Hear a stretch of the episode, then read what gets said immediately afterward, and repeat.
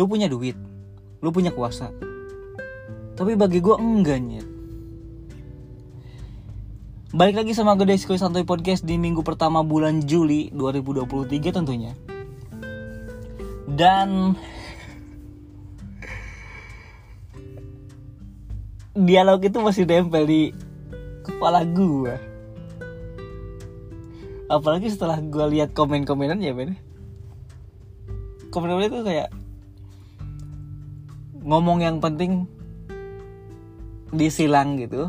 Yang penting ngomong checklist. Aduh buh kata gue bagus banget ini. Ngomong yang penting yang penting ngomong.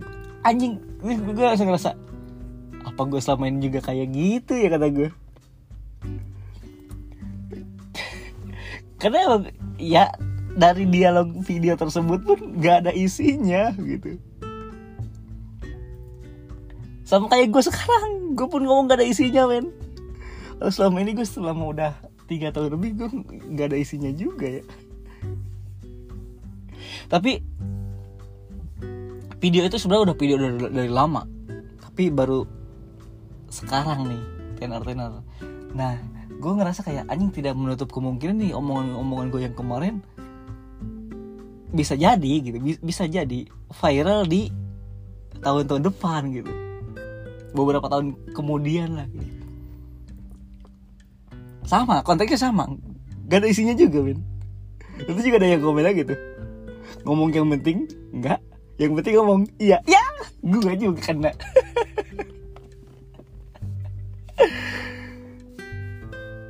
Oh iya dan itu komennya bagus banget anjing. Ini cuma dibalik kata-katanya doang tapi kok bener gitu ya?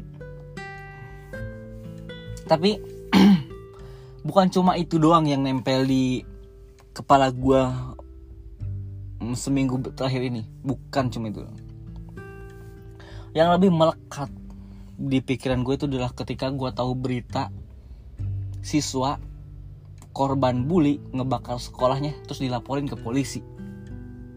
Tau gak lo siswa SMP siswa kelas 7 SMP N2 pring surat di Temanggung dia tuh dibully. Se, se selama enam bulan dia sekolah dia tuh masih kelas 7 kan pasti selama enam bulan itu dia dibully tuh sama temen-temennya. Dia sempat dikeroyok bahkan dia tugasnya dirobek sama gurunya. Terus dia ngebakar sekolah malam-malam dia dilaporin ke polisi lu sedih nggak ngeliatnya lu sedih nggak dengernya? Gua sangat miris ngeliatnya. Kita sadar kenapa kalau korban gitu dia tuh korban bully dia ngelakuin kayak gitu dia dilaporin ke polisi tapi orang yang ngebulinya orang yang ngerundungnya cuma di ya paling cuma diomongin sama sekolahnya doang sama guru-gurunya doang udah beres. Tapi rasa sakit si korban nggak hilang. Nggak hilang begitu aja nggak hilang dengan kata maaf kan? Banyak yang bilang rasa sakit di balas maaf itu kan nggak adil katanya. Ya betul. Betul. Dan sangat miris men. Maksudnya dia tuh kelas 7 baru 14 tahun kalau nggak salah. Beberapa belas tahun gitu dia tuh saking sakit hatinya dikeroyok sama temennya dia dibully bahkan sama gurunya aja. Sempet dibully kan ya. Tugas prakarya disobek depan muka dia. Dia ngelakuin tindakan seperti itu dan dia yang dilaporin polisi. Oke tindakan itu mungkin kriminal ngebakar sekolah tapi selalu ada sebab dan akibat emang. Tapi sebabnya apa? Kenapa dia ngelakuin itu? Paling gue juga tahu kayak guru bimbingan konseling pasti cuma ngehukum gitu. Cuma atau mungkin bahkan ya ya lu jangan lemah dong gitu.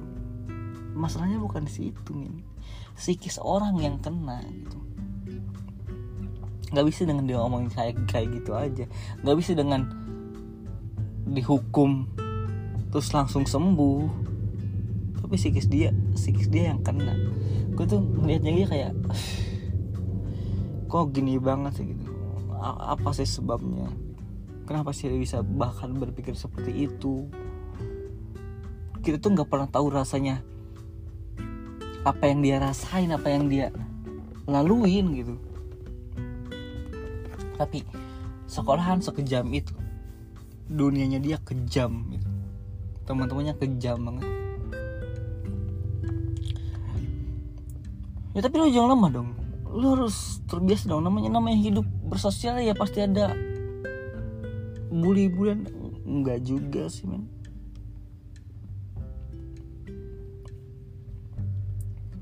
Karena untuk orang yang agak susah bersosialisasi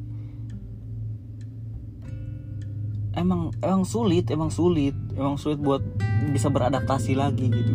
Jangan kan dia gue setiap waktu gue sekolah nih setiap gue mau mos masih orient masa orientasi masih ya masa orientasi siswa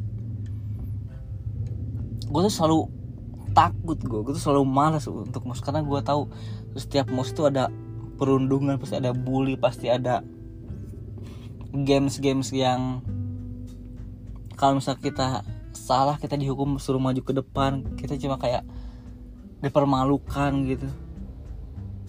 Karena dulu gue orangnya sangat pemalu. Gue selalu selalu takut setiap mos.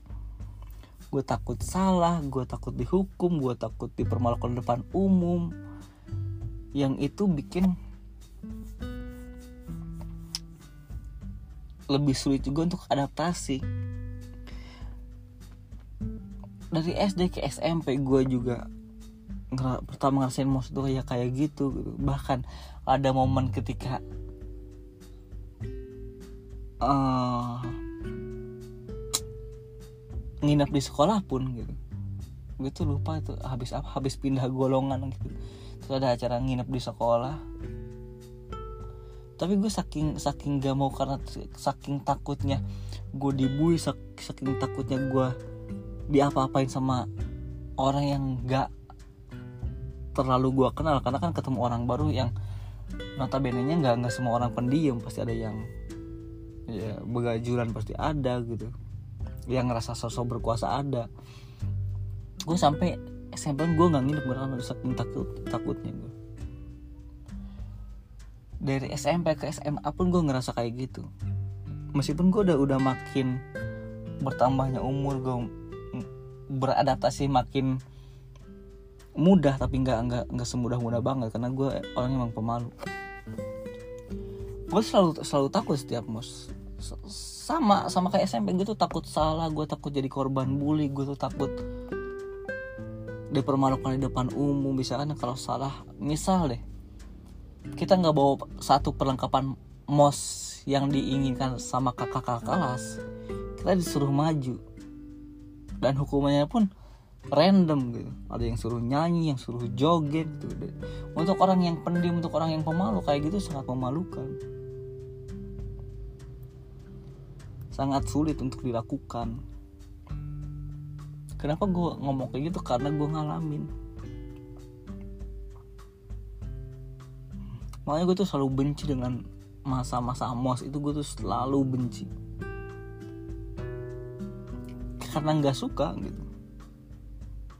Bahkan kadang-kadang kalau dari SMP dari SMP ke SMK bukan SMA ya.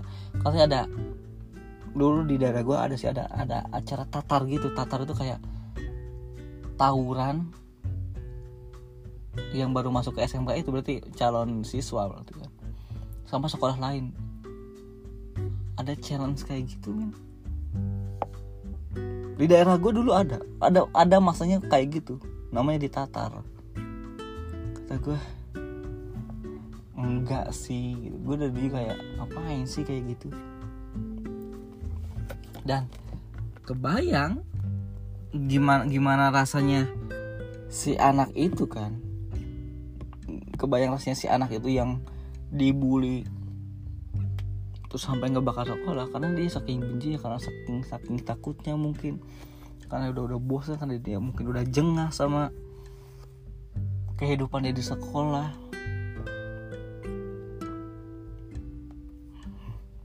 Makanya pas masa-masa Pak Anies Baswedan kalau nggak salah masih dia jadi Mendikbud Menteri Pendidikan itu dan Kebudayaan yang kebijakan yang gue inget itu yang pertama UN dihapus sama tidak adanya perpeloncoan waktu mos gitu. Karena ada aja emang yang uh, yang ketika mos ada aja orang yang ada siswa yang meninggal. Entah kecapean entah dihukum karena apa gitu. Ada aja. Dan itu kita putar kita pasang di anak yang temanggung tadi gimana kalau misalnya dia dibully saking udah nggak kuat dia meninggal? Terus tapi kata kepala sekolahnya itu jadi dia tuh katanya anaknya suka caper cari perhatian. Dia kalau dipanggil sama guru katanya suka muntah suka suka pura-pura kesurupan. Terus gue baca lagi dari psikolog itu dia karena kalau emang saking stresnya itu emang bisa mu bikin muntah katanya bisa muntah-muntah bisa nggak sadar alam bawahnya. Alam bawah sadarnya ya, kesurupan ya ya wajar ternyata katanya. Wajar bisa muntah-muntah kayak kesurupan kayak gitu karena ada yang salah di pikirannya. Ada yang salah di otaknya. Tapi be begitu kejamnya sekolahnya bahwa dia dibilang caper. Dia lemah kok bisa?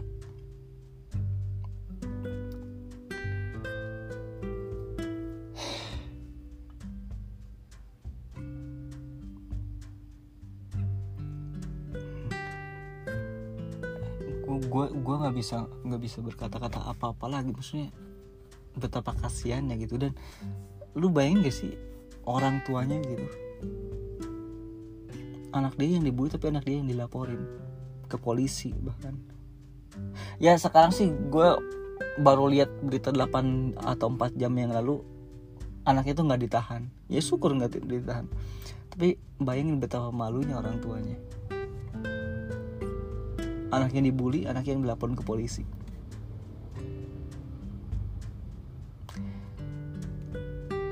Gue tuh selalu mikir gimana kalau kejadian itu yang terjadi ke gue gimana nanti orang tua gue atau gimana nanti ketika gue jadi orang tua anak gue yang kayak gitu?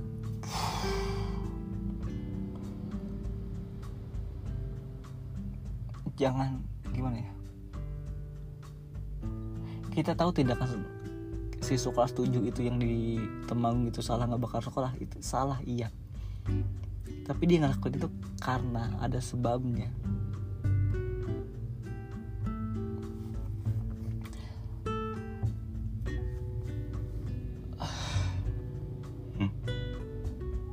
dan segitu tuh masih menurut gue masih mending kalau di New York di Amerika kita sering kan terlihat berita ada penembakan. Itu karena orang-orang nggak suka sama temen-temennya gitu. Itu kayak korban bully terus ngebahas Sunda dengan ditembak gitu. Ada aja men. Di, di New York tuh ada aja di Amerika. Makanya kasus sorry. Makanya kasus penembakan di Amerika tuh tinggi banget. Bersyukur di Indonesia kayak senjata api kayak gitu tuh ilegal. Maksudnya nggak nggak nggak mudah diperjualbelikan gitu. Kebayang kan kalau misalnya satu anak dibully nggak terima besoknya lagi dibully meninggal. gitu.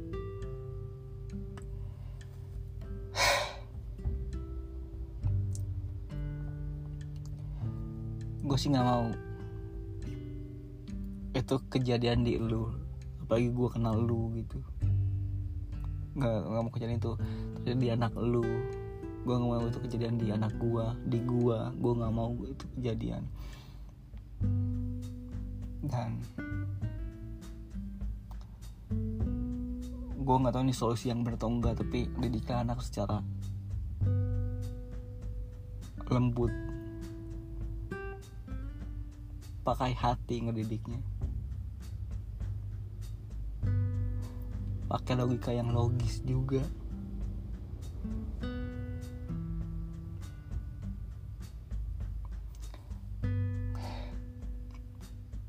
Kayaknya segitu deh